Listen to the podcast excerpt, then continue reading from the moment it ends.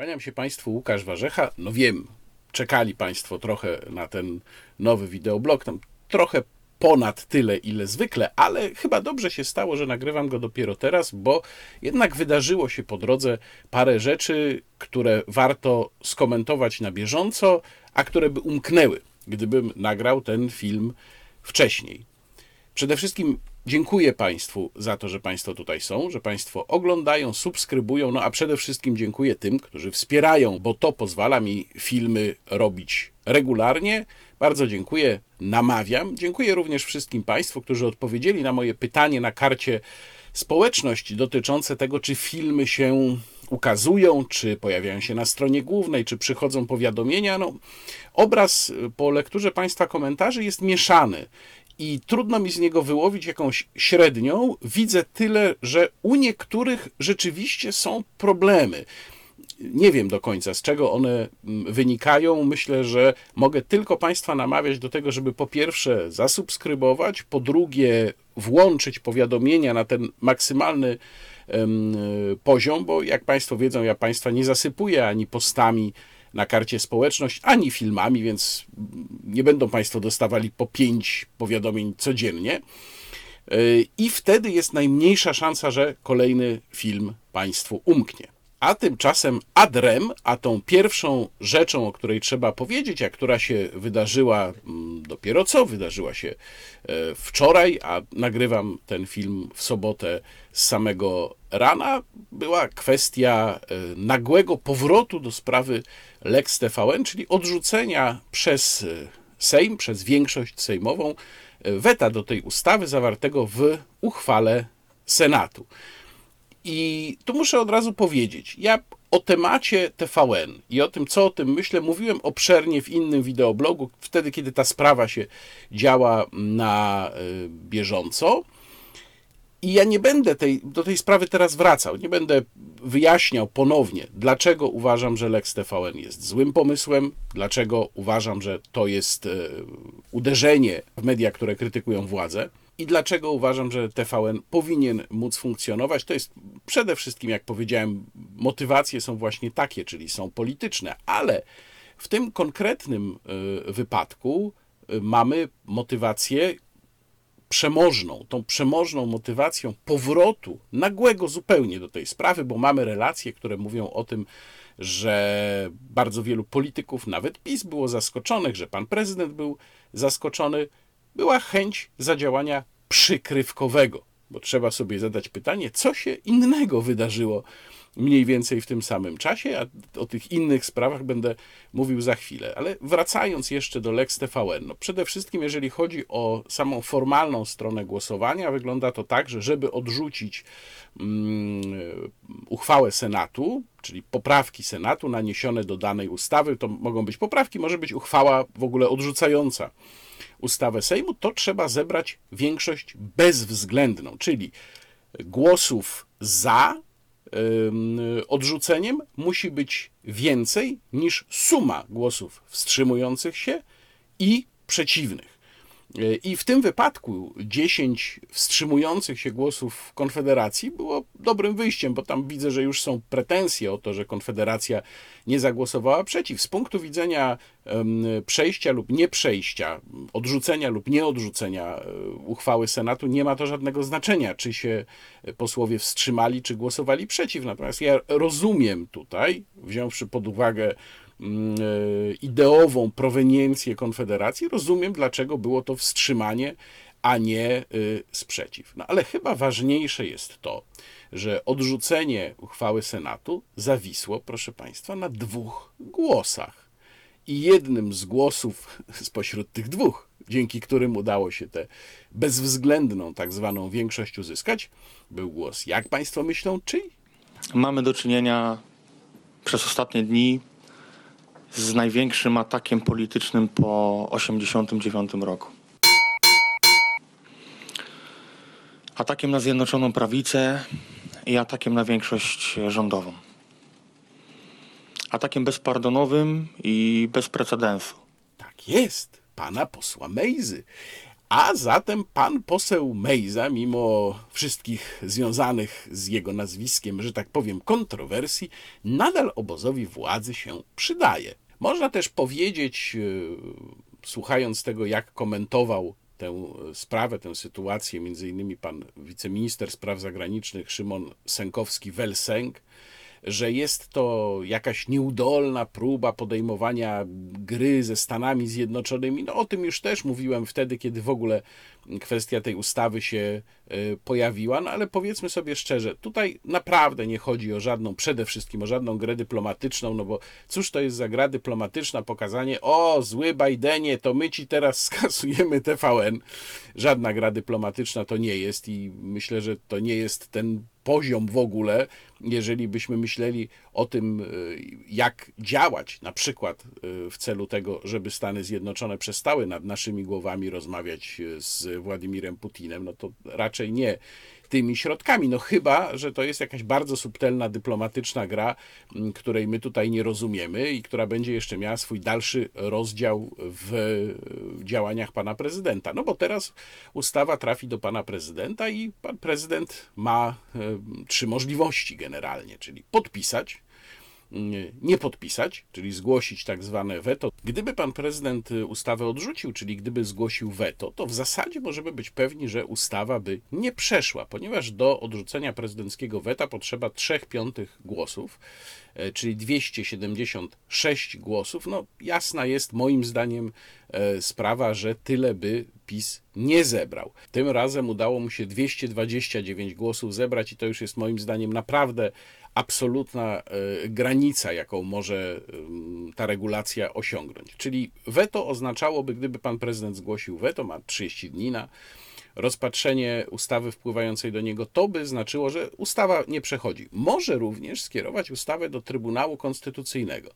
No i to już jest dużo bardziej śliska sprawa, bo Trybunał Konstytucyjny może tak pracować, zwłaszcza pod panią Przyłębską, żeby na przykład się tą ustawą nie zająć przez kolejne dwa lata, powiedzmy, nawet do następnych wyborów.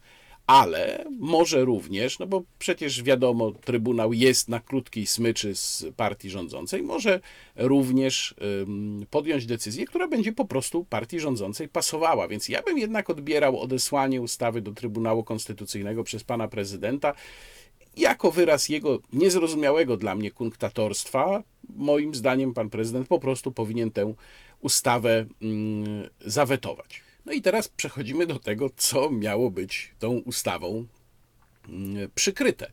Tutaj są dwie rzeczy. Jedną się nie będę specjalnie zajmował, ale ona też jest ważna i przeszła w zasadzie kompletnie niezauważona, czyli to jest ustawa o wygaszeniu polskiego górnictwa, czyli to jest znów pójście dokładnie drogą którą wyznacza nam, jeżeli chodzi o Zielony Ład, Unia Europejska. Jak wielokrotnie już mówiłem, rząd PiS w sprawach ekologicznych idzie dokładnie główną linią. Za chwilę jeszcze będę o tym więcej mówił, kiedy zajmę się jeszcze następnym tematem, czyli wizytą mm, pana premiera a właściwie roboczym wyjazdem na Radę Europejską pana premiera do Brukseli, ale najpierw powiedzmy o tym, co przede wszystkim zostało przykryte. No bo kwestia górnictwa to jest powiedzmy sprawa sektorowa, prawda? To jest kwestia porozumienia z górnikami, dogadania się z nimi. I tutaj rząd sygnalizował już jakiś czas temu, że będzie górnictwo wygaszał zgodnie z polityką unijną, no więc to jest sprawa powiedzmy mniej istotna. Inna kwestia, i to można by o tym dyskutować, to jest, czy polskie górnictwo opłaca się wygasić, czy nie. Ja też zawsze byłem zwolennikiem tego, że górnicy nie powinni mieć jakichś specjalnych przywilejów. Jeżeli mm, wydobywanie węgla w danym miejscu się nie opłaca, to jest rachunek czysto ekonomiczny, to po prostu nie powinno być kontynuowane i tyle. Ale to jest, powtarzam, odrębny temat i tu można też dyskutować węgiel jako paliwo strategiczne i tak dalej, i tak dalej. Odłóżmy to na bok. Natomiast najważniejsza sprawa, która została przykryta i co do tego chyba nikt nie powinien mieć wątpliwości, to są ogłoszone wczoraj przez Urząd Regulacji Energetyki podwyżki taryf gazu i prądu. Jeżeli chodzi o prąd, to mm, mamy mm, podwyżkę o 24%. To są oczywiście uśrednione y, wzrosty, bo tam w różnych elementach tych taryf, tych surowców energetycznych różne są te y, wzrosty, ale średnio 24% mówimy o energii elektrycznej dla odbiorców indywidualnych, co ważne. I dla odbiorców indywidualnych y, gaz 54% w górę średnio. Jeżeli chodzi o prąd, no to chyba nikt nie ma wątpliwości, że przyczyną są przede wszystkim ceny uprawnień do emisji CO2. Jeżeli chodzi o gaz, sprawa jest e, pochodną również polityki, zielonej polityki. Gaz jako paliwo zastępujące w wielu przypadkach energię elektryczną, jako paliwo przejściowe w drodze do ustanowienia Zielonego Ładu stał się po prostu deficytowy. Gazem gra w związku z tym Rosja. No, gdyby gaz nie miał takiego kluczowego znaczenia jako mm, ten wypełniacz pomiędzy e, energią węglową, czy tam jądrową, tak jak w Niemczech, no bo Niemcy sobie wygasi, wygasili, prawda, elektrownie jądrowe i wygaszają całą resztę absurdalne, kompletnie ideologiczne, to Państwo też wiedzą, że jest przecież spór wokół tak zwanej taksonomii, czyli tego, co może być wspierane, jaka, jaki typ energetyki może być wspierany w ramach Zielonego Ładu przez Unię Europejską. I tu Niemcy mówią twarde nein, nein, nein, jeżeli chodzi o energię jądrową. To jest kompletny absurd. No, nie, nie, nie ma to żadnych praktycznych powodów ale to na razie zostawmy. No w każdym razie gaz wszedł w to miejsce i stał się deficytowy i Rosja oczywiście w związku z tym zaczęła grać ceną gazu. I teraz co oznaczają te podwyżki? Ta podwyżka gazu została rozsmarowana, jak to piszą branżowe portale, czyli rozłożona na 3 lata, na 36 miesięcy, ale tak naprawdę nie ma to wielkiego znaczenia, no bo te podwyżki i tak muszą się zdarzyć. Otóż po pierwsze, mamy już korekty prognoz, prognoz dotyczących e, perspektyw wzrostu gospodarczego Polski w przyszłym roku i mamy podwyżkę z kolei prognoz dotyczących inflacji. No bo rzecz jasna, wzrost e, cen surowców energetycznych podstawowych, gazu i prądu, używa się przy produkcji mnóstwa rzeczy, musi spowodować wzrost inflacji. Ten wpływ wzrostu cen gazu, bo tu muszę jeszcze jedną rzecz powiedzieć, niektórzy, i, i to zdaje się będzie taka narracja grana przez media państwowe, a także przez wielu komentatorów, będą mówić nam, o, co to jest, tam 20 zł więcej miesięcznie, 30 zł więcej miesięcznie, jaki to problem? No więc, po pierwsze, dla wielu ludzi, którzy mają mało pieniędzy, no to jest problem zapłacić powiedzmy w sumie 40 czy 50 zł więcej mm, miesięcznie. Po drugie, jeżeli ktoś zainwestował w e, tak, zwane, tak zwaną ekologiczną wymianę ogrzewania swojego domu czy mieszkania, a ta ekologiczna wymiana polegała często na tym, że likwidował piec węglowy, czy tam ogrzewanie węglowe, albo na, bazujące na produktach bazujących na węglu i wymieniał na ekologiczne gazowe. No to teraz się nakryje nogami, bo dla niego, zwłaszcza gdyby było zimno na dworze, to wzrost nie będzie o 20 czy 30 zł miesięcznie, tylko na przykład o 200 czy 300 zł miesięcznie. To już najbardziej ucierpią ci, którzy zużywają dużo gazu. Ale to jest, proszę Państwa, tylko część historii. Druga część tej historii to są wzrosty cen dla firm. A to już jest zupełnie inna sprawa. I tutaj firmy pokazują swoje rachunki i pokazują e, na to, że, że w ciągu ostatnich kilkunastu miesięcy ceny dla nich wzrosły o kilkaset procent. Kilkaset procent. A przecież gaz, no ja tu podam tylko dwa przykłady, gdzie gaz jest y, bardzo mm, ważnym składnikiem produkcji. Pierwsza rzecz to są nawozy sztuczne. Nawozy sztuczne, których ceny i tak już szybują, to o tym mówił, y, na, prezentując ten nowy Polski Ład, czy Polski Ład dla rolnictwa, też to omawiałem w wideoblogu, mówił Jarosław Kaczyński, że tam, no te ceny tak rosną, prawda, no ale my spowodujemy, że one przestaną rosnąć. No to nie przestaną, panie prezesie, rosnąć w związku z podwyżkami właśnie, które ogłosiło URE, a wzrost cen nawozów, naprawdę horrendalny, to jeżeli macie państwo znajomego rolnika, to proszę zapytać, jak on to odbiera, oczywiście przełoży się na ceny żywności. A ceny żywności to jest bardzo istotny składnik ogółu inflacji. Więc to jest jeden przykład. I drugi przykład to są materiały budowlane. Jest dużo materiałów budowlanych, przy produkcji których gaz odgrywa bardzo ważną rolę. Styropian, ceramika. No i tu już ja mam takie sygnały, że niektóre firmy produkujące, duże firmy produkujące ceramikę w związku z wzrostem cen gazu wstrzymują część produkcji, dużą część produkcji. To jest zjawisko, które już pojawiło się mm, w Hiszpanii na przykład, między innymi tam też firmy zaczęły zawieszać produkcję ceramiki mm, ze względu na wzrost cen gazu, który przecież dotyka całej mm, Europy. Wzrost cen materiałów budowlanych to po pierwsze jest wzrost e, cen remontów, w ogóle wszystkich materiałów wykorzystywanych przy, przy remontach domów i po drugie oczywiście również wzrost cen nowych nieruchomości. No przecież te materiały, te materiały się wykorzystuje przy budowach, a to jest tylko wycineczek. Więc teraz e, wracam do kwestii inflacji. Inflacja poszybuje. E, mamy analizy, które mówią o tym, że w najwyższym momencie, to prawdopodobnie będzie drugi kwartał przyszłego roku, ona może sięgnąć prawie 10%. Ja myślę, że może dobić do 10%, zobaczymy jak będzie. A średnio rocznie to prognozy PKO SA wczoraj opublikowane na bieżąco, to prawie w pesymistycznym wariancie, właśnie nie prawie, tylko może to być 8% średniorocznie. Mamy tutaj do czynienia z sytuacją, moim zdaniem, bezprecedensową. Ja taką tezę postawiłem jakiś czas temu i wydaje mi się ona coraz bardziej prawdopodobna, że to, co się dzieje z portfelami Polaków, kwestia inflacji, kwestia mm, wzrostu cen surowców energetycznych, właśnie wszelkiego rodzaju rachunków, y, chudnące portfele Polaków generalnie mogą zakończyć rządy PiS. To będzie główny moim zdaniem czynnik E, wpływający na wynik wyborów w 2023 roku lub wcześniej, jeżeli PiS zdecyduje się na wcześniejsze wybory. Jeżeli by się na te wcześniejsze wybory decydował, przez długi czas wydawało się to nieprawdopodobne.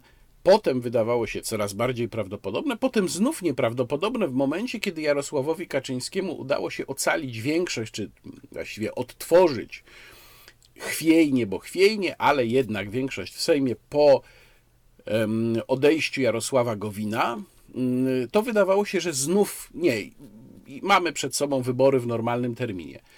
Ale czynnikiem, który może skłonić PiS do poszukiwania jednak możliwości, żeby wybory przeprowadzić wcześniej, przypomnę, że do tego musiałaby być współpraca opozycji, bo do samorozwiązania Sejmu, czyli tej najprostszej metody doprowadzenia do nowych wyborów, potrzebne są dwie trzecie głosów.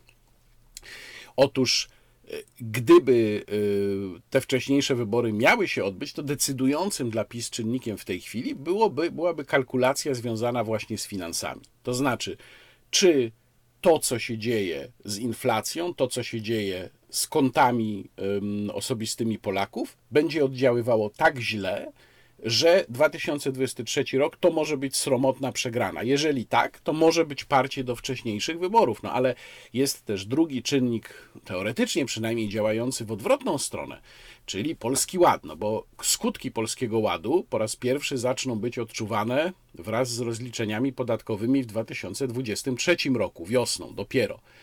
Tylko, że przecież no, ludzie w obozie władzy mają świadomość, że te korzyści, będą po pierwsze bardzo ograniczone, a po drugie nawet dla osób mało zarabiających będą małe. Natomiast dla bardzo wielu osób, w tym dla przedsiębiorców, przede wszystkim tych, mm, którzy będą musieli uciekać z liniowego 19%, mm, skutki będą negatywne, będą bardzo odczuwalne, a na to się nałożą jeszcze te wszystkie inne negatywne finansowe y, bodźce.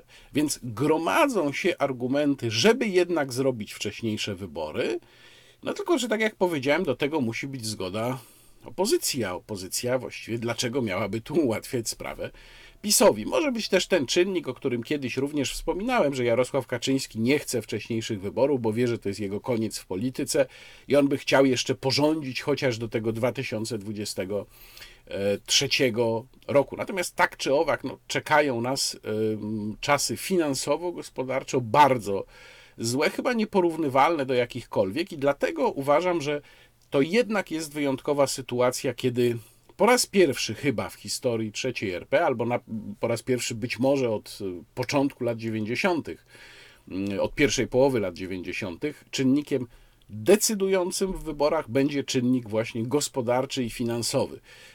Taką dyskusję toczyłem z jakimś oponentem na Twitterze, który tam twierdził, że to bzdury, że zawsze portfel decydował. Nie, to nieprawda.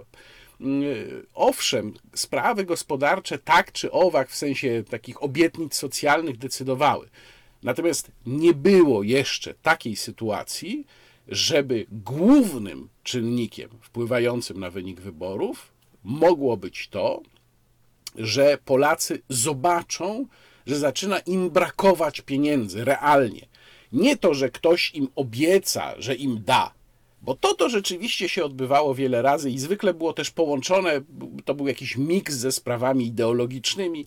Nie, ja mówię o sytuacji, w której Polacy patrzą na stan swoich kont, klikają tam w komputer, patrzą na stan swoich kont i to, co widzą na ekranie komputera czy komórki, to jest bezpośredni impuls dla nich, żeby odrzucić partię rządzącą. Takiej sytuacji jeszcze w Polsce nie było. No i w związku z tym teraz przechodzę do brukselskiego szczytu i do tego, co tam wyrabiał Mateusz Morawiecki i dlaczego. Dlaczego Mateusz Morawiecki pojechał z taką buńczuczną opowieścią, że my tu nie pozwolimy, bo to zawsze jedzie z taką opowieścią, my tu nie pozwolimy, prawda?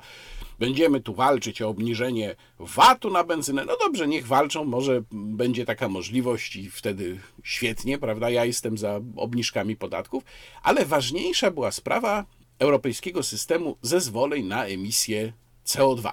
Mateusz Morawiecki stwierdził, że tu jest koalicja, wcześniej było spotkanie V4 zresztą, jest koalicja, my tu będziemy walczyć o zawieszenie systemu EU ETS, bo jest kwestia spekulacji na systemie zezwoleń na emisję i to jest takie, takiego porównania użył Mateusz Morawiecki, tak jakby VAT się zmieniał na jakiś produkt co chwila i stawał się coraz wyższy. Czy system EU ETS jest wadliwy? Tak, jest. Czy dobrze by było, gdyby w ogóle zniknął, albo przynajmniej został bardzo ograniczony? Tak, absolutnie. On nie spełnia po prostu swojej roli, a już na pewno nie spełnia jej w Polsce. Przypomnę, że system EU ETS miał wymuszać stopniowo na e, firmach, na podmiotach, na państwach prowadzenie, wprowadzanie tak zwanych zielonych rozwiązań. Czyli myśl była taka, że jak obciążymy sztucznie, bo to nie jest mechanizm rynkowy, to jest sztuczny polityczny mechanizm, jak obciążymy sztucznie emisję CO2 takim dodatkowym podatkiem, jak gdyby, no to to spowoduje, że y, będzie się wszystko przesuwało w stronę tych metod, które nie powodują emisji CO2. Tylko problem polega na tym, że geniusze, którzy wymyślali ten system, nie wzięli pod uwagę, że jak się wypuści te y, zezwolenia tak po prostu, żeby one sobie funkcjonowały jak zwykły finansowy instrument, no to zacznie się handel nimi, a to spowoduje wzrost ich cen grubo powyżej takiej granicy, o której myślano, że ona właśnie będzie stanowiła ten impuls i że wtedy y, firmy, podmioty, które będą zmuszone do kupowania tych mm, y, uprawnień, po prostu nie będą miały pieniędzy na inwestycje, na te zielone inwestycje. I to jest mechanizm, który działa dokładnie właśnie w Polsce. No i jeszcze jest pytanie, co polski rząd zrobił z pieniędzmi, które wpływały do polskiego budżetu ze sprzedaży tej puli emisji, która przysługiwała polskiemu państwu, bo te pieniądze jak firmy je musi, musiały kupować te uprawnienia od polskiego rządu, to te pieniądze powinny być wykorzystywane też na tak zwane zielone inwestycje. No to gdzie jest ta kasa, panie Morawiecki? Tymczasem ceny uprawnień szybują, one się tam już obijają w tej chwili o 90 euro za tonę, a zaczynały się od 5, potem 10, kilkunastu euro za tonę. Ten poziom kilkunastu euro w zasadzie był dla mm, konsumentów energii nieodczuwalny. Pan premier Morawiecki teraz jedzie i tam mówi, tak, tu będziemy walczyć, oczywiście. No niestety nie udało się osiągnąć porozumienia. Oj, cóż za zaskoczenie. Ja się zastanawiam, kiedy pan premier Morawiecki uświadomił sobie, że jest problem z systemem EU ETS? Czy to było na przykład tydzień temu? Pan premier się obudził pewnego dnia, spojrzał w komórkę, zobaczył informację o tym, że uprawnienia są po 90 euro za tonę i powiedział sobie wtedy: No nie, tak nie może być. tak być to nie będzie, jak mawiał Ferdek Kiepski. Mateuszu, musisz jechać do Brukseli, powiedział do siebie pan premier, i coś z tym zrobić. No nie, proszę państwa, nagłego olśnienia pana premiera po przebudzeniu ani w żadnej innej porze dnia nie było.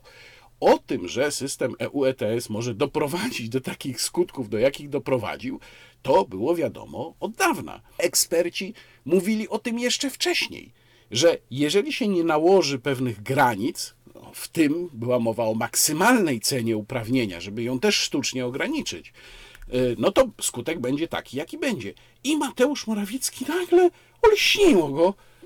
Nie, musimy coś z tym zrobić. No teraz, panie Morawiecki, to se pan możesz pojechać i pogardłować. A dlaczego Komisja Europejska nie będzie chciała tutaj pójść na kompromis, ani też inne kraje? Ma swój raport i ja o tym raporcie słyszałem, będąc w Brukseli, o mojej podróży do Brukseli i tym, co tam, czego tam się dowiedziałem, to też mówiłem Państwu w poprzednim pełnowymiarowym wideoblogu. Otóż e, e, jest raport sporządzony przez zewnętrzną firmę, e, w którym jest taka konkluzja, że wzrost lawinowy, dramatyczny wzrost cen uprawnień do emisji CO2 nie jest spowodowany spekulacją. No więc jak pan premier teraz jedzie i tam mówi, że spekulanci windują cenę, to Komisja Europejska wyciąga raport, mówi, panie Morawiecki, mamy raport, że to nieprawda. I goń się pan. No to teraz powtarzam pytanie. Dlaczego pan premier Morawiecki pojechał do Brukseli i tak postanowił mocno tę sprawę podnieść i tak bardzo chętnie o niej mówił w polskich mediach? Ano, proszę państwa, dlatego, że panu Morawieckiemu pali się pod sempiterną. Sytuacja jest taka, że Mateusz Morawiecki jest atakowany i będzie atakowany coraz mocniej, między innymi za te sprawy, przez Zbigniewa Ziobrę. Mechanizm, który już wielokrotnie był przedstawiany, naświetlany, pokazywany. W momencie, kiedy zniknął Jarosław Gowin z koalicji, Zbigniew Ziobro stał się po prostu silniejszym w tym układzie politykiem i może atakować e, swojego przeciwnika od dawna, czyli właśnie pana premiera Morawieckiego, bezpardonowo. Ale też pan premier Morawiecki się podkłada, no bo to on podpisywał od dawna unijne dokumenty dotyczące polityki klimatycznej. To on zgodził się na kolejne podwyższenie celów klimatycznych w grudniu 2020 roku. To on wtedy twierdził, mówię oczywiście nie o oficjalnych wypowiedziach, ale nieoficjalnych, że to była cena, którą trzeba było zapłacić za to, żeby nie było mechanizmu warunkowości. A tymczasem, bum, cóż za zdziwienie, mechanizm warunkowości jednak najprawdopodobniej będzie, bo mamy przecież deklarację Rzecznika Generalnego Trybunału Sprawiedliwości Unii Europejskiej o odrzuceniu skargi Polski i Węgier na ten mechanizm. No więc Morawiecki zawodzi na kolejnych frontach, na których miał być taki mocny. Jarosław Kaczyński angażował go do roli, którą Mateusz Morawiecki pełni, po to, żeby on pozałatwiał sprawy z Unią. No i to się nie udaje. Mało tego, właśnie przez unijną politykę, którą tam pan Morawiecki chętnie podpisywał za każdym razem, ma, PiS ma realny problem w postaci szalejących cen energii, które się nakładają, przekładają na inflację, no i dzieje się to, co się dzieje również z sondażami dla PiS. No a do tego dochodzą jeszcze sprawy, które pana premiera obciążają już poza politycznie, czyli kwestia przepisanego na żonę majątku. No nie fajna sprawa, jeżeli chodzi o premiera e, partii socjalistycznej, która deklaruje, że tutaj, prawda, dla biednych, zwykłych Polaków, że o nich trzeba przede wszystkim dbać, a tam pan premier, prawda, swoje, e, swój majątek przepisał na żonę, no bo żony nie prześwietlą, bo Trybunał Konstytucyjny uwalił no i mamy też sprawę pieniędzy unijnych z e, Funduszu Odbudowy, gdzie Zbigniew Ziobro jak tylko może to działa na rzecz tego, żeby tych pieniędzy nie było, prawda? Mówię tutaj o jego rozmowach z jednym z unijnych komisarzy podczas jego wizyty w Polsce, no ale to działanie ma swoje motywacje i tą motywacją jest to, że tak naprawdę uderza to i tak ostatecznie w Mateusza Morawieckiego. Więc podsumowując ten wątek, kiedyś był popularny temat ewentualnej wymiany Mateusza Morawieckiego na innego polityka, jeżeli chodzi o funkcję premiera.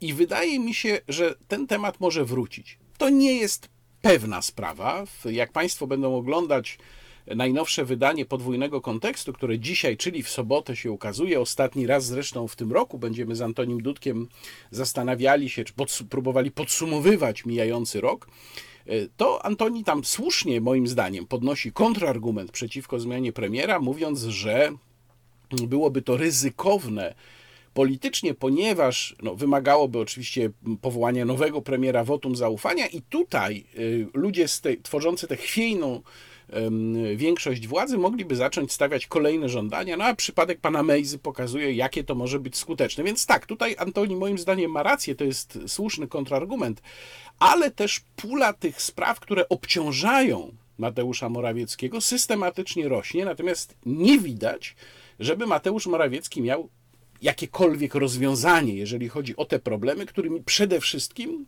zdaniem Jarosława Kaczyńskiego, miał się zajmować. No, ale Mateusz Morawiecki odpowiada też za politykę mm, epidemiczną państwa, co prowadzi nas do kolejnego tematu.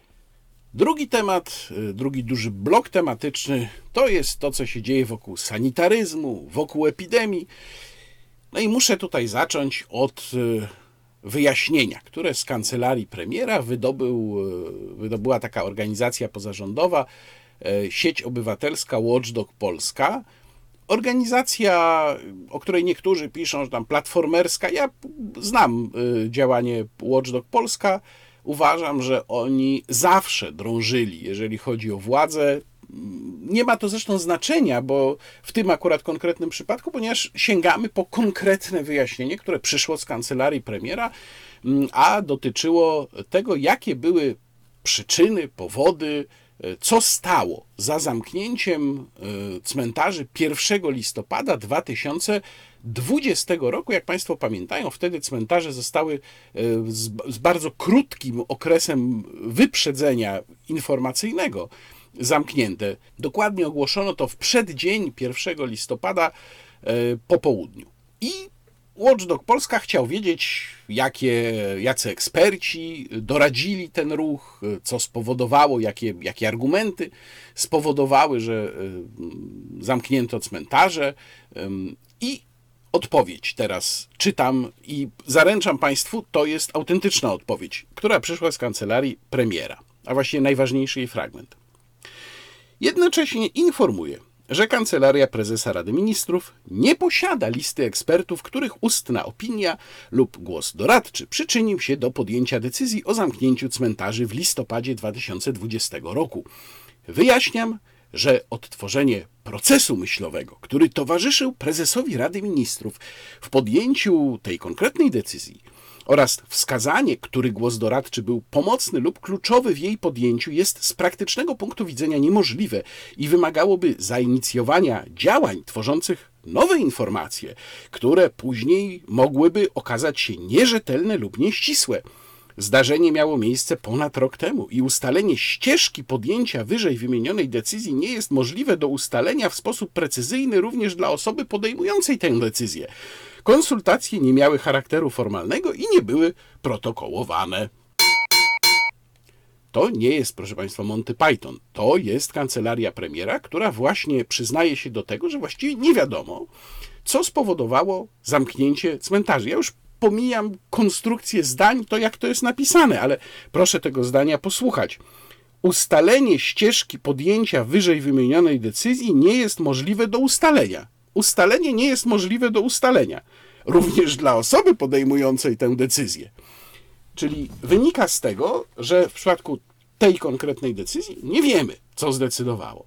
I obawiam się, że to jest wyjaśnienie, które można zastosować do właściwie każdej podobnej decyzji. Jakbyśmy zapytali, dlaczego ma być ograniczenie w restauracjach do 30% miejsc, to pewnie dostalibyśmy dokładnie właśnie y, takie samo wytłumaczenie. A tymczasem szaleństwo się rozkręca. Ministerstwo Zdrowia, uzasadniając rozporządzenie mm, pozwalające mm, przedsiębiorcom rzekomo kontrolować e, COVID pasy wchodzących klientów. Tłumaczy to tym, że skoro jest dopuszczalna selekcja w dyskotekach, to to jest też dopuszczalne.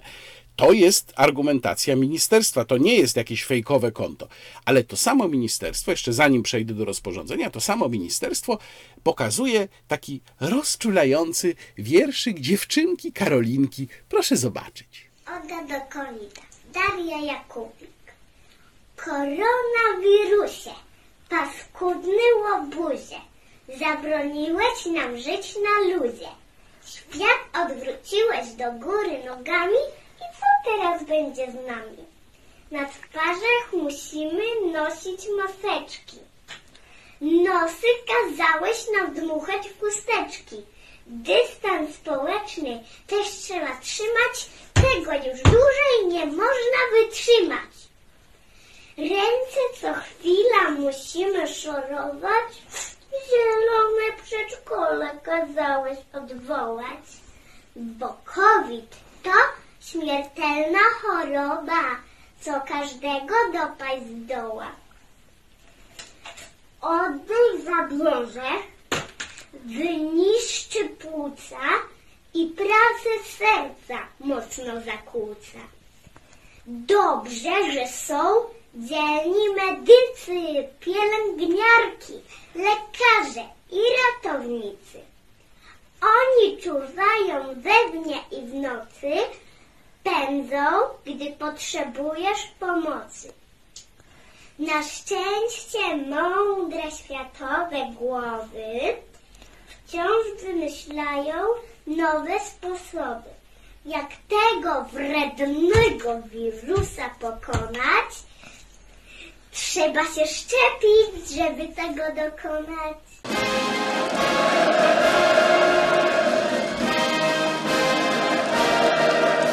Ja mam jako żywo e, e, od razu w, przed oczami e, różne takie akademie z czasów e, słusznie minionych, gdzie tam wychodziła dziewczynka i na przykład wierszyk o Stalinie mówiła. Ale są też skojarzenia bardziej współczesne, które już wcale nie są tak zabawne. E, Otóż e, Michael P. Zenger to jest prawnik, bardzo interesujący, y, ma spostrzeżenia na Twitterze, do których lektury Państwa zachęcam. Prawnik, który jest autorem kilku książek dotyczących chińskiej polityki, chińskiej dezinformacji, a zwłaszcza w kontekście właśnie pandemii. No przecież pamiętamy, mieliśmy informacje płynące również z amerykańskiego wywiadu, że tak, no, m, pochodzenie ym, wirusa jest jednak sztuczne. No i tutaj e, Chińczycy prowadzili różne akcje, które miały ich uwolnić od tych podejrzeń. Między innymi właśnie pan Zegner em, opublikował na swoim, w swoim wątku, takim bardzo długim wątku dotyczącym chińskiej dezinformacji, opublikował taką wypowiedź, pokazał wypowiedź, którą e, podał dalej rzecznik chińskiego Ministerstwa Spraw Zagranicznych i tam też jest mała dziewczynka. I ona też tak rozczulająco mówi i proszę zobaczyć. I am not happy. I'm upset because of the coronavirus. I can't go to school. I can't see my friends. I can't go to my favorite restaurant. I can't go to parties. I can't go to Disneyland. But I know all these sacrifices will be worth it. I, I stayed at home for two months already. I wear a mask. I wash my hands. I don't go to crowded areas in order to stop the virus spreading. Because if I know if I don't do so, I might be affected and infect my dad, mom, and my brother. If they are sick, they might die, and I won't see them anymore. I will be even more upset. Coronavirus, coronavirus is a global health emergency. Everyone on this earth has a responsibility to stop it. It should not be a political matter to be used against other nations. I'm mm-hmm. only seven years old. I understand it, but why do some adults don't get it? To those national leaders, stop blaming each other. Forget about your own interests. The virus won't go away by winning a political argument. We should use our strength, power, determination, and courage all together to fight with this common enemy, coronavirus. I have this common sense. Why don't you? No z tym, że o ile ta polska dziewczynka to jest czysta propaganda, strasznie prymitywna, taka trochę pawko-morozowska, to ta amerykańska, chyba amerykańska dziewczynka, która mówi na tym filmie podanym przez chińskiego rzecznika Ministerstwa Spraw Zagranicznych, no to tam wątek polityczny jednak się pojawia. Znaczy ona bardzo wyraźnie mówi, że nie powinniśmy winić siebie nawzajem, nie należy winić niektórych państw o to. to przekaz i kontekst tego, tej jej wypowiedzi, zresztą czytanej chyba, bo no, albo ktoś jej podpowiada, bo tam widać, że ona w pewnych momentach mówi słowa, których dziewczynka w takim wieku na pewno nie zna. Mm, no, kontekst jest ewidentny. No to teraz przyjrzyjmy się temu nieszczęsnemu rozporządzeniu. Mm, tutaj słowo wyjaśnienia, otóż e, to nie jest pełne rozporządzenie. To jest, proszę Państwa, 15 nowelizacja, mówię o tej, o kontroli y, paszportów covidowych. To jest 15 nowelizacja rozporządzenia, które ukazało się w maju. Czyli od maja władza nie wydała pełnego nowego rozporządzenia, gdzie każdy normalny człowiek mógłby zajrzeć i przeczytać normalny tekst, tylko wydała 15 nowelizacji, z których każda mm, posługuje się no, językiem typowym dla nowelizacji, czyli w paragrafie szóstym, punkcie siódmym dodaje się słowa i. W paragrafie ósmym, punkcie dziewiątym skreśla się przecinek i wstawia się. Czyli to jest nieczytelne kompletnie dla normalnego człowieka, bo tak naprawdę trzeba by mieć źródłowe rozporządzenie plus te wszystkie wcześniejsze 14 nowelizacji i z tego sobie sklejać całość. No ale władza ma oczywiście gdzieś to, czy obywatele są w stanie się z tym zapoznać, czy nie. Być może ma to gdzieś również dlatego, że wie, że to i tak nie ma żadnego znaczenia. No ale mamy to rozporządzenie, nawiasem mówiąc, że 16 nowelizacja, bo w tej 15 zapomniano wyłączyć z wymogu testowania się y, w trakcie powrotu do Polski spoza strefy Schengen załóg samolotów. Więc gdyby czytać literalnie 15 nowelizację, to załogi samolotów powinny się testować w powietrzu jeszcze. No ale wyłączono jest tego 16 nowelizacją. Nawiasem mówiąc, ja nie rozumiem, jaki jest sens e, tego testowania ludzi przyjeżdżających spoza strefy Schengen. No skoro też wariant Omikron jest wszędzie, inne warianty też są wszędzie. Nie wiem, dlaczego akurat poza strefą Schengen ma, mają panować, ma być jakoś gorzej szczególnie niż w strefie Schengen. No to jest dla mnie kompletnie niezrozumiałe, ale dobra. Zostawmy to. Skutek y, tego rozporządzenia, tego, tego testowania się z przyjeżdżających spoza strefy Schengen był przede wszystkim taki, skutek widoczny, że na y, Okęciu y, tłum ludzi, oczywiście z pogwałceniem wszelkich reguł zachowania dystansu społecznego i tak dalej, czekał na dostęp do punktu testowego. No to brawo, jak zwykle bardzo skutecznie geniusze wymyślili. Ja zająłem się kwestią tego, jak działa to rozporządzenie na, mm, w, w tekście opublikowanym na Do Rzeczy Plus, to przypomnę, że Do Rzeczy Plus jest za paywallem, ale jak Państwo zapłacą, to mają Państwo dostęp do tekstów pisanych specjalnie na portal Do Rzeczy Plus, ale także do bieżącego wydania e, Do Rzeczy i wszystkich tekstów z niego, do czego bardzo namawiam.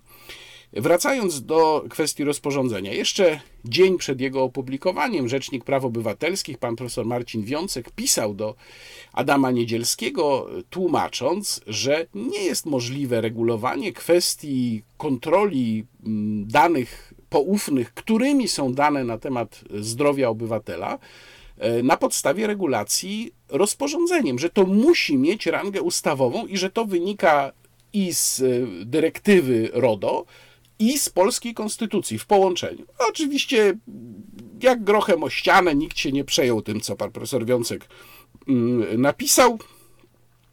Natomiast jeszcze w założeniach do rozporządzenia można było przeczytać, podpisanych przez ulubionego wiceministra Waldemara Kraskę, można było przeczytać, że no to właściwie nie jest obowiązek, bo tam kto chce, to będzie pokazywał, jeżeli będzie chciał wejść ponad ten limit, prawda? Tych 30%, czy tam jakie limity są pousta poustalane w różnych miejscach. Ale to nie o to chodzi. Chodzi o samą obróbkę tych danych i ich kontrolę. I tu, do tego odnosiły się argumenty y, Rzecznika Praw Obywatelskich. E, no to teraz ja Państwu przeczytam, jak jest to zapisane w tej 15 nowelizacji. Jest napisane tak. do ustanowionych w rozporządzeniu limitów liczby osób przebywających w pomieszczeniach, budynkach, obiektach na określonej powierzchni pomieszczeń, budynków lub obiektów lub na otwartej przestrzeni oraz uczestniczących w zgromadzeniach nie wlicza się osób zaszczepionych przeciwko COVID-19 pod warunkiem okazania przez te osoby unijnego cyfrowego zaświadczenia COVID lub zaświadczenia o szczepieniu, o wyniku testu i o powrocie do zdrowia w związku z COVID-19 uznawanego za równoważne z zaświadczeniami wydawanymi zgodnie z rozporządzeniem Parlamentu Europejskiego i Rady z dnia i tak dalej, i tak. W tym rozporządzeniu, teraz mówię o, o 15 nowelizacji, jest takie ciekawe miejsce – pod warunkiem okazania przez te osoby unijnego cyfrowego zaświadczenia. Ale okazania, przepraszam, komu? Bo tego jakoś twórcy rozporządzenia zapomnieli zapisać. A przecież mówimy o zupełnie nowej sytuacji, bo owszem, jest w prawie taka zasada, że nie pisze się y, rzeczy oczywistych, że rzeczy oczywiste y, są dorozumiane. No ale tu nic oczywiste nie jest, bo tworzy się zupełnie nową konstrukcję, w której to przedsiębiorca, jak rozumiem, miałby sprawdzać te zaświadczenia, ale nie jest to zapisane, kto ma je sprawdzać. Czy przedsiębiorca osobiście, y, czy jakiś jego pracownik upoważniony? Kto? Kto ma sprawdzać, komu trzeba okazać to zaświadczenie? Bo gdyby literalnie czytać y, rozporządzenie, to dajmy na to, chcemy wejść ponad limit ze znajomym do restauracji, ja okazuję certyfikat, jeżeli go mam oczywiście, okazuję znajomemu, a znajomy okazuje mnie. Okazujemy sobie nawzajem swoje certyfikaty, no zgodnie z treścią rozporządzenia, pod warunkiem okazania przez te osoby unijnego cyfrowego certyfikatu. Mamy certyfikaty, okazujemy je sobie nawzajem i wchodzimy. Okazaliśmy certyfikaty, okazaliśmy. Rozporządzenie nie mówi, komu je mamy okazać. Ale mało tego, rozporządzenie nie mówi również o tym, że ktokolwiek ma prawo zweryfikować e, ten certyfikat z naszymi danymi. I czy, czyj certyfikat w takim razie mamy okazać? Bo przecież certyfikat może być również wydrukowany. On nie musi być w postaci aplikacji w smartfonie. Jak mamy wydrukowany certyfikat, który jest bez zdjęcia z nazwiskiem, no to okażemy ten certyfikat. On może być na Bolesława Chrobrego. Okażemy i wchodzimy. Okażemy komukolwiek, to proszę pamiętać. Więc tak geniusze to skonstruowali, ale ich genialność e, poszła jeszcze dalej. No bo teraz zastanówmy się, oczywiście tam wychodzą przedstawiciele Ministerstwa Zdrowia, mówią, tak, będą kontrole, kontrole będą, panie, tu będziemy kontrolować, prawda? To teraz zastanówmy się, jakby taka, panie, kontrola miała wyglądać. Ja już mówiłem o kontrolach e, w kościołach, no bo pan Hoc, prawda, twórca projektu ustawy, o której za chwilę też będę jeszcze mówił, tej niesławnej ustawy o tym, że pracodawca ma móc kontrolować stan prawda, przyjęcia substancji przez pracownika, no ale pan Hoc mówił, że tak, tu będą panie kontrole w kościołach. I ja już mówiłem o tym, jak te e, kontrole by mogły wyglądać, ale teraz pomyślmy, zastanówmy się w restauracji, jakby to mogło wyglądać. No dajmy na to, że mamy restaurację, siedzą sobie ludzie, prawda? Przychodzi kontrol, panie, no i teraz musi stwierdzić, czy został przekroczony limit, ale uwaga, przez osoby, które nie przyjęły substancji. No to najpierw taka kontrola musi wiedzieć, ile w ogóle jest miejsc. Potem musi policzyć, czy jest zajęte więcej niż te dopuszczalne 30%. No, jak jest zajęte, no to teraz jest pytanie, czy ten limit został przekroczony przez osoby bez substancji, czy też osoby zasubstancjowane, co jest dopuszczalne no to w tym celu trzeba ustalić, ile osób ma zaświadczenia, a ile nie ma spośród tych przebywających w restauracji. Ale to już nie jest takie proste, bo ani jakiś tam sanepid, to już w ogóle, ani żadna tam straż miejska, ani nawet policja nie może od tak sobie sprawdzić certyfikatu covidowego, bo to jest, proszę Państwa, informacja medyczna. Dostęp do informacji medycznej, owszem, policja ma w ramach postępowania. To nie jest tak, że policjant może wejść do przychodni i powiedzieć: Panie, daj pan tam kartę Stefana Dupa Dalszego. I dostaje tę kartę. No, no, nie. I tak samo jest dokładnie z certyfikatem. Też policjant, owszem, policjant może nas wylegitymować. Tak, absolutnie mamy obowiązek podać mu swoje dane, bo nie musimy mieć przy sobie dokumentu, podać dane, prawdziwe dane, ale informować go o stanie przyjęcia substancji i pokazywać certyfikatu, tak po prostu na ulicy czy w restauracji, nie mamy obowiązku. Czyli ta policja hipotetycznie kontrolująca restaurację musiałaby wziąć dane od wszystkich klientów, następnie wszcząć postępowanie w sprawie i wszystkich tych klientów po kolei wzywać w ramach tego postępowania mm, tam gdzieś na komisariat, po to, żeby dopiero w ramach tego postępowania sprawdzić, jaki jest stan przyjęcia substancji przez nich. No to jak się tak zastanowić, to jedna kontrola w takiej restauracji, gdzie dajmy na to przebywa 40 osób, to jest praca dwóch, trzech policjantów przez dobrych kilka tygodni, bo oni muszą wypisać te wezwania, muszą te wezwania dotrzeć do ludzi, tam ktoś nie będzie mógł przyjść, ci ludzie muszą przyjść już jak będą mogli i trzeba z nimi porozmawiać, trzeba to zaprotokołować. Krótko mówiąc, jest to robota tak potężna, że po prostu nikt tego nie zrobi. Więc jeżeli by jakiś przedsiębiorca miał ochotę e, olać to rozporządzenie, to może to zrobić, bo po pierwsze, może argumentować, że rozporządzenie nie daje mu instrumentów do kontroli COVID pasów, dlatego że mogłaby mu je dać jedynie ustawa. I że są mocne argumenty, które o tym mówią. Pierwsza sprawa. Druga sprawa, że on Proszę bardzo, no tu jacyś ludzie weszli, oni twierdzą, że przyjęli substancję, ale on nie może tego zweryfikować. Proszę bardzo, działajcie, panowie. No i wtedy mamy tę procedurę, o której y, mówiłem, która jest nie do dokończenia, nie do przeprowadzenia. Więc to jest kompletna fikcja tak naprawdę ten, to rozporządzenie w tej y, postaci, w jakiej jest, no, przy tym stanie prawnym, jest to kompletna fikcja po prostu. Czyli to jest znów robienie wrażenia, że się coś robi, być może z taką nadzieją, że niektórzy się przestraszą, zaczną się w ten sposób zachowywać właśnie sami z siebie. No, powstają oczywiście podmioty gospodarcze, gdzie tam wstęp tylko dla tych, co przyjęli substancje, no to jest już sprawa przedsiębiorcy i sprawa klientów, prawda? Czy zgodzą się na takie traktowanie, czy nie. Ale jeżeli chodzi o samo rozporządzenie, jest ono absurdalne, sprzeczne z prawem, z konstytucją, niewykonalne, czyli jak zwykle. No ale musimy się też zająć ustawą pana posła Hoca, tego właśnie, który mówił, że będą kontrole w kościołach, potem się z tego wycofywał, przepraszał, potem skasował te przeprosiny. Ale w ogóle strasznie żałosna postać ten poseł Hoc.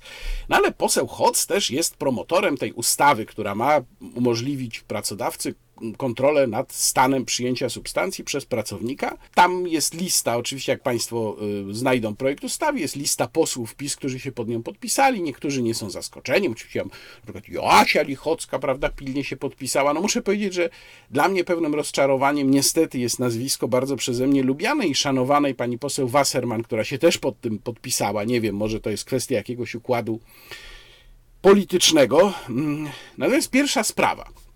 Spójrzmy do tej ustawy. Otóż yy, mamy tam taki zapis. Artykuł pierwszy. W okresie obowiązywania stanu zagrożenia epidemicznego lub stanu epidemii ogłoszonego z powodu COVID-19 pracownik lub osoba pozostająca w stosunku cywilnoprawnym z pracodawcą ma prawo do nieodpłatnego wykonania testu diagnostycznego w kierunku SARS-CoV-2. I punkt drugi. Testy, o których mowa w ustępie pierwszym, mogą być finansowane ze środków publicznych. Mogą być. Nie muszą, nie są, tylko mogą być. Trzeci ustęp. Liczba testów, o których mowa w ustępie drugim, może podlegać ograniczeniu z uwagi na ich dostępność. Czyli mamy tutaj taką sytuację, że testy mogą być finansowane przez państwo, ale nie muszą, że może ich zabraknąć, czyli nie wiem co wtedy, to wtedy stają się odpłatne, czy wtedy pracodawca nie może żądać wykonania tych testów. Nie mam pojęcia, jak to ma wyglądać y, dla zdaniem yy, wnioskodawców.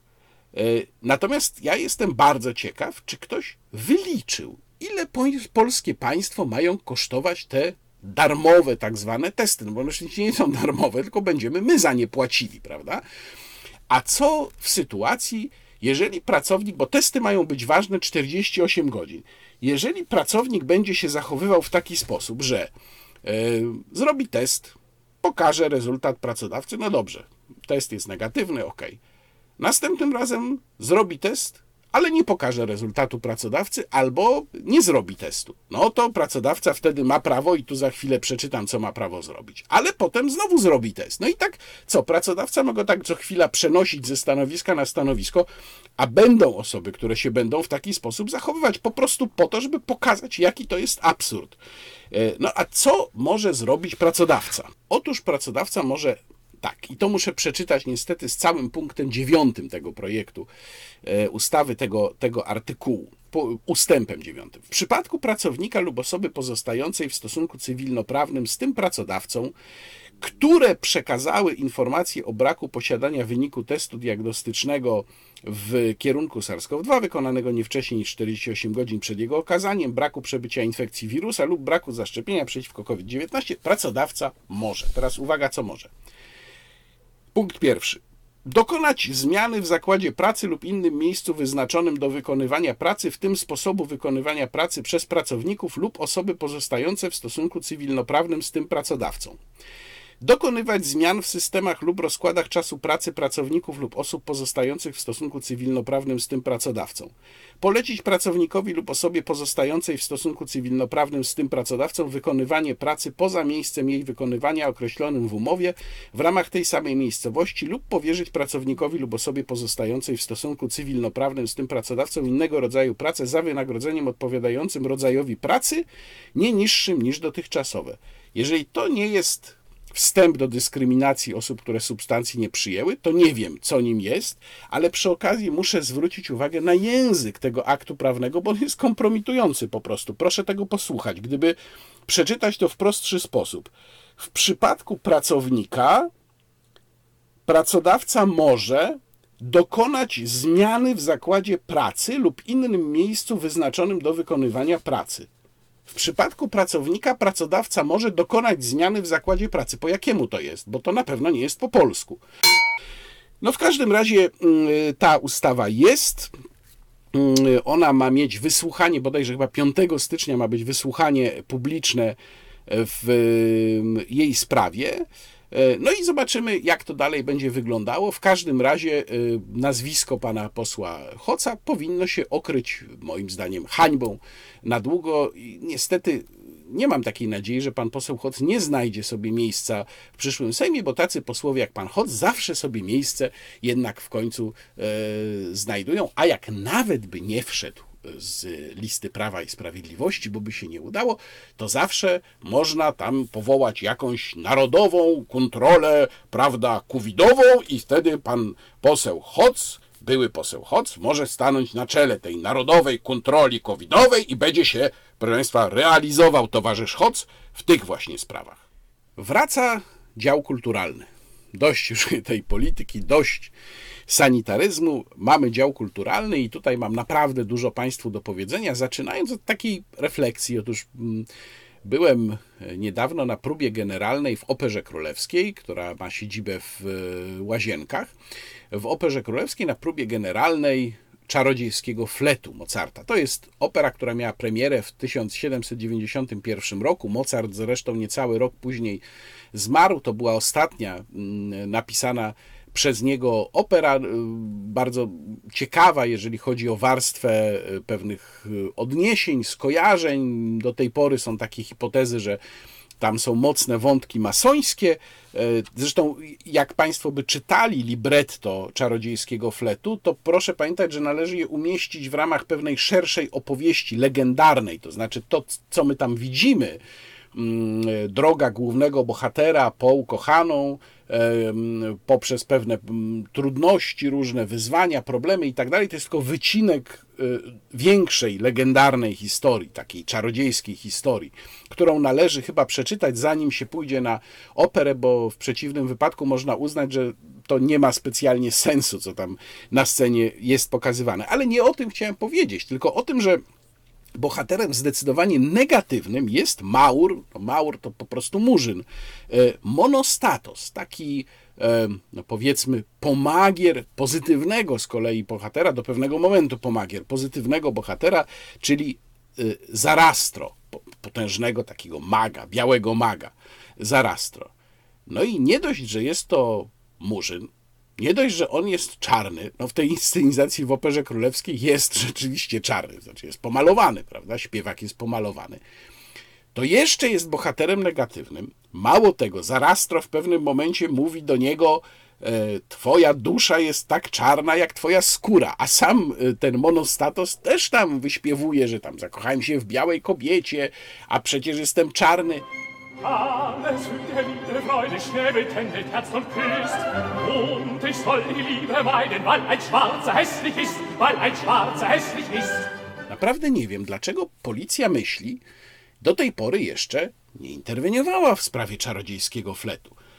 No przecież to trzeba jak najszybciej zrobić. To, to jest po prostu ewidentny rasizm. Ja już nie mówię o tym, że y, przez całą operę przewijają się wątki męsko-damskie, jest mowa o kobietach i mężczyznach, jest mowa o pewnej tradycyjnej roli kobiety, jaka ona powinna być w związku. No to tam pr praktycznie połowa tekstów tego dotyczy co jest samo w sobie dosyć, no powiedziałbym, zacofane, prawda? skandalicznie zacofane. Więc naprawdę, no, kampania przeciwko homofobii, proszę przyjechać do opery, bo, bo to jest jakiś skandal.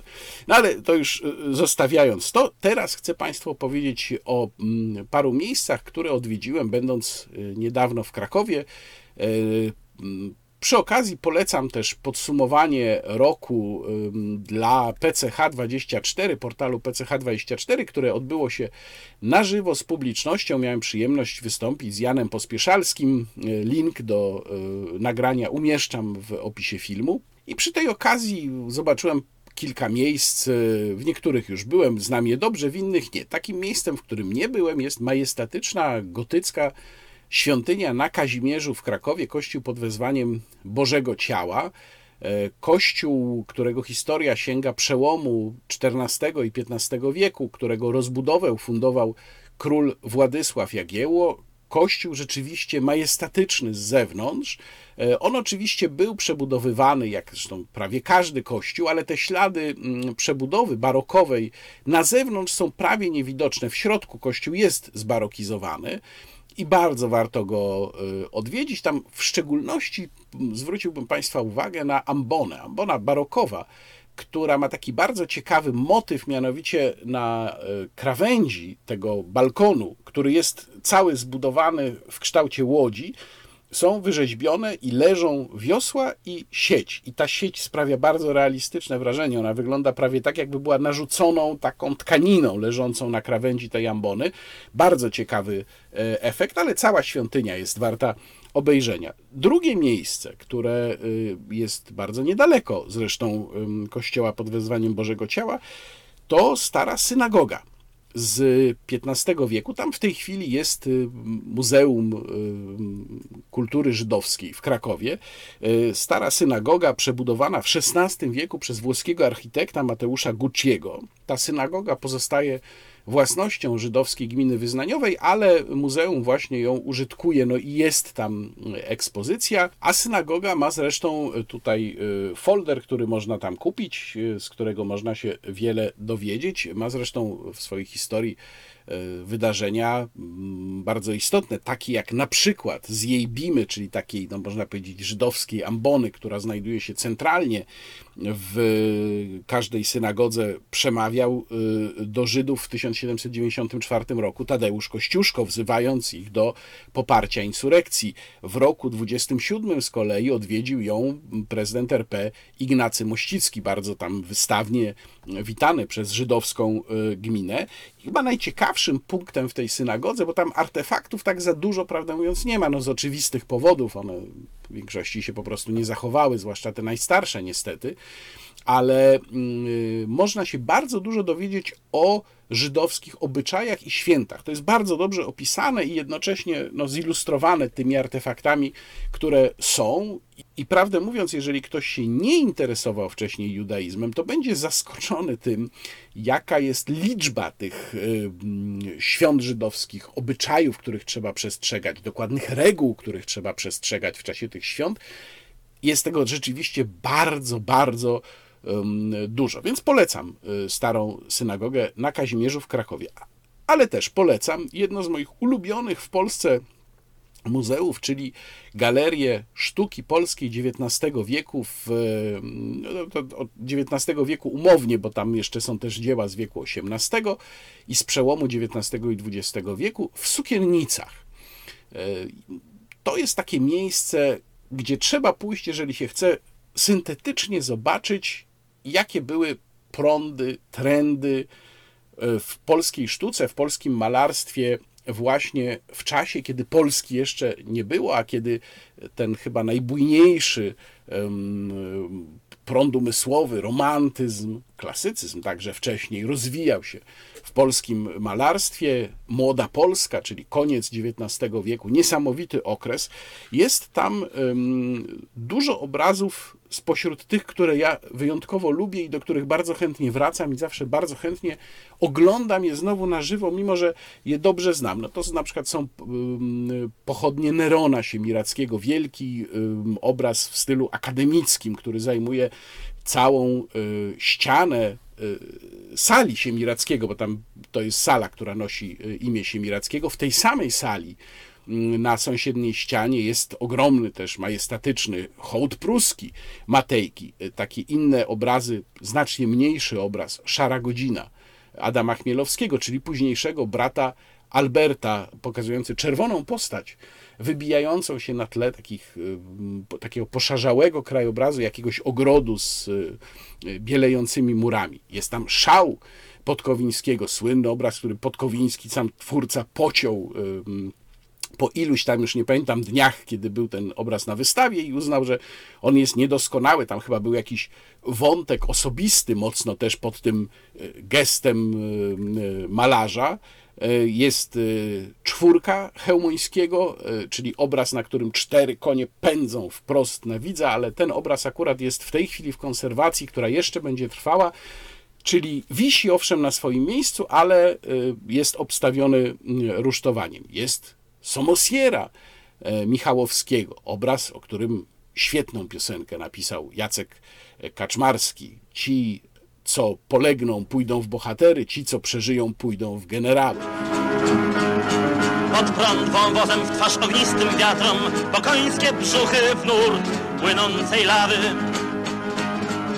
Przeszło leżerów łatwopalny szwadron, gardła armatnie kolanami dławić. E, jest e, Wigilia na Syberii Jacka Malczewskiego. Inny obraz, o którym e, również Jacek Kaczmarski napisał piosenkę właśnie pod takim tytułem Wigilia na Syberii.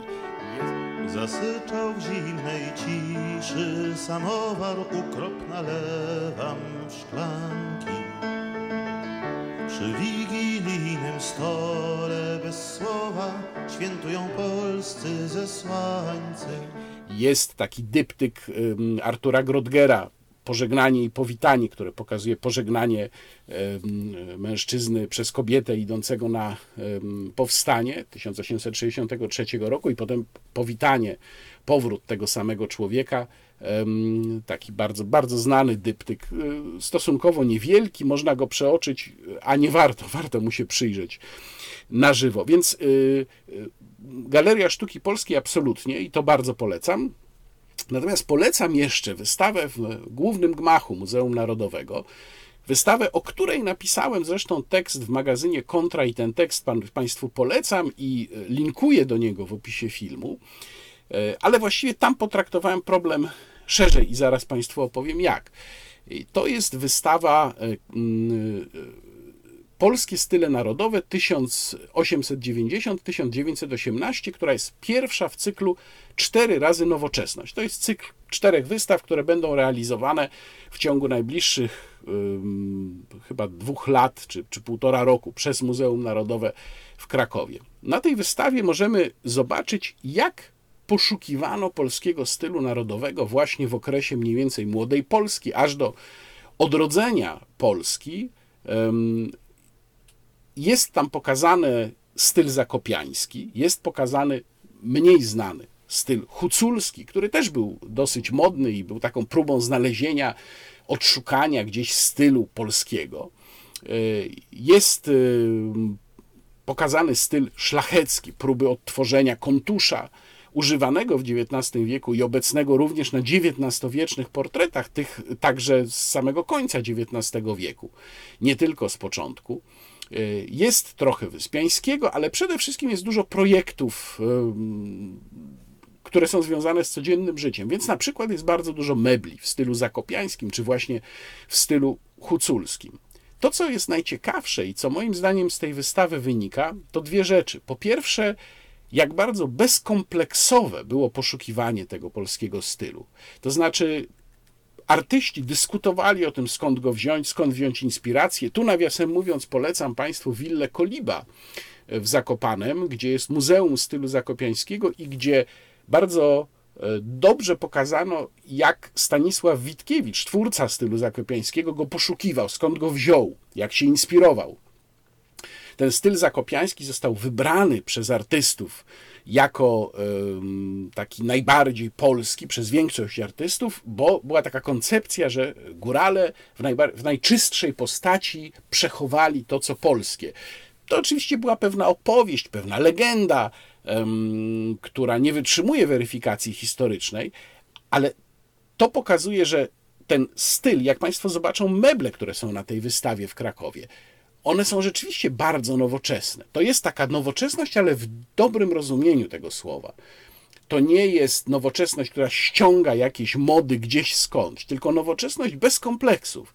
Jesteśmy Polakami, szukamy naszego stylu, nowoczesnego stylu, czegoś nowego, czegoś świeżego, inspirujemy się u naszych korzeni, w tych korzeniach szukamy tego stylu. Więc to jest jedna z takich najbardziej chyba porażających różnic pomiędzy dzisiejszymi czasami a tamtymi czasami. I druga taka różnica to jest po prostu estetyka. Estetyka również tych rzeczy codziennych mebli, przedmiotów codziennego użytku, nawet reklam. Reklamy, które y, też mają swoje miejsce na wystawie w Muzeum Narodowym, są tak y, zaprojektowane i tak na tak wysokim poziomie, że wyglądają jakby były ilustracjami Stanisława Wyspiańskiego z dwutygodnika Życie, który redagował Stanisław Przybyszewski. Jeśli dobrze pamiętam, Wyspiański współpracował z Życiem od 1898 roku, robiąc cały projekt graficzny tego dwutygodnika. I, I reklamy wyglądają tak, jakby wyszły spod y, pędzla